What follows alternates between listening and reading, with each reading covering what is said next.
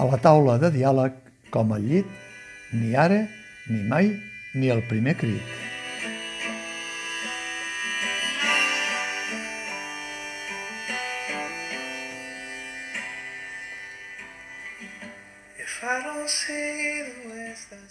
Van forts a la Moncloa. No els agraden les converses que diuen que tenen per formar govern Esquerra Republicana i la CUP. No els agrada que a Junts per Cat hi hagi, diuen ells, ultradretans. No els agrada, sobretot, que el seu candidat, l'exministre Illa, vagi predicant que ha guanyat i que vol presentar candidatura a presidir la Generalitat de Catalunya, ara que empresaris, mitjans monàrquics i escolans espanyolistes ja veuen el carro pel pedregar i que el president del Parlament de Catalunya li digui que nanai de nanai, que s'ho tregui del cap, que aquí obre el meló el que té més comensals per repartir les tallades. Per això, a la Moncloa han planificat un pla d'acció per afavorir el resultat de les converses. Querella fiscal contra la mesa dels presumptes independentistes del Parlament de Catalunya per no sé què del 2019. Ah sí, per deixar parlar en un Parlament inventat perquè s'hi parli. Recurs de genolls al Tribunal Suprem Espanyol de la Fiscalia per fer enrere novament el tercer grau que deixa que els presos polítics catalans campin el seu aire amb el permís de jutges penitenciaris que no els fan cas. Recurs ploraner al Tribunal Constitucional per una llei d'acompanyament dels pressupostos catalans que, segons la Moncloa, surten de mare i no troben el gual.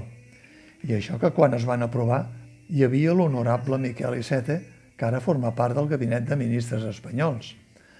Pedregada del Barça en ple sprint de crisi i cursa electoral a la presidència del club amb els exdirigents de l'expresident Bartomeu entrant i sortint de declarar als jutjats després d'arrossegar el seu cas en un muti sospitós tot un any. Regal de consolació a Pablo Hasél perquè faci alguns anys més de presó ara que ja és dins.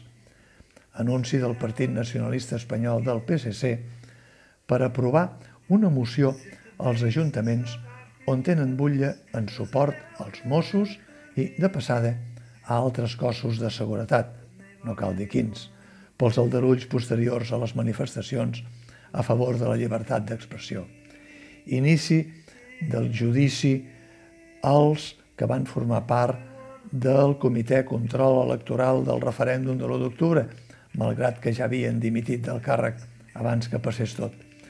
I anunci estrella del president nacionalista Pedro Sánchez acompanyant el rei Borbó Felip VI per visitar a la vila de Martorell els obrers i les obreres, com en altres temps en blanc i negre, que encara fan cotxes amb les seves mans plenes de butllofes i plenes d'eros i plenes de feines temporals, com aquells 600 grocs de la Moritz, perquè a Espanya es progressa fins i tot a l'hora del xusco i de la cervesa, perquè només a la Moncloa saben que Espanya és la democràcia més plena de totes les democràcies que es fan i es desfan, i perquè 4 milions d'aturats, com diuen que hi ha ara els índexs recents d'ocupació, no són res comparats amb els milers d'aturats que hi ha arreu del món.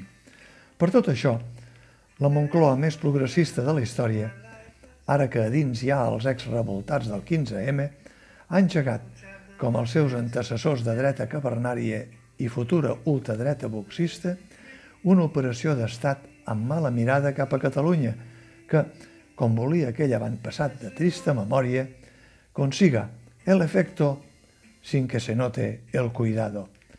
El efecto ja està aconseguit.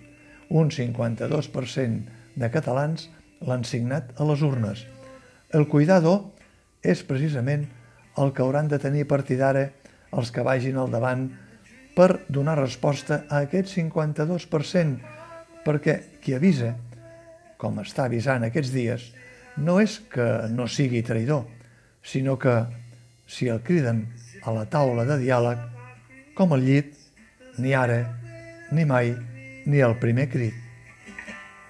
Then they've already won the bet. Let us go free.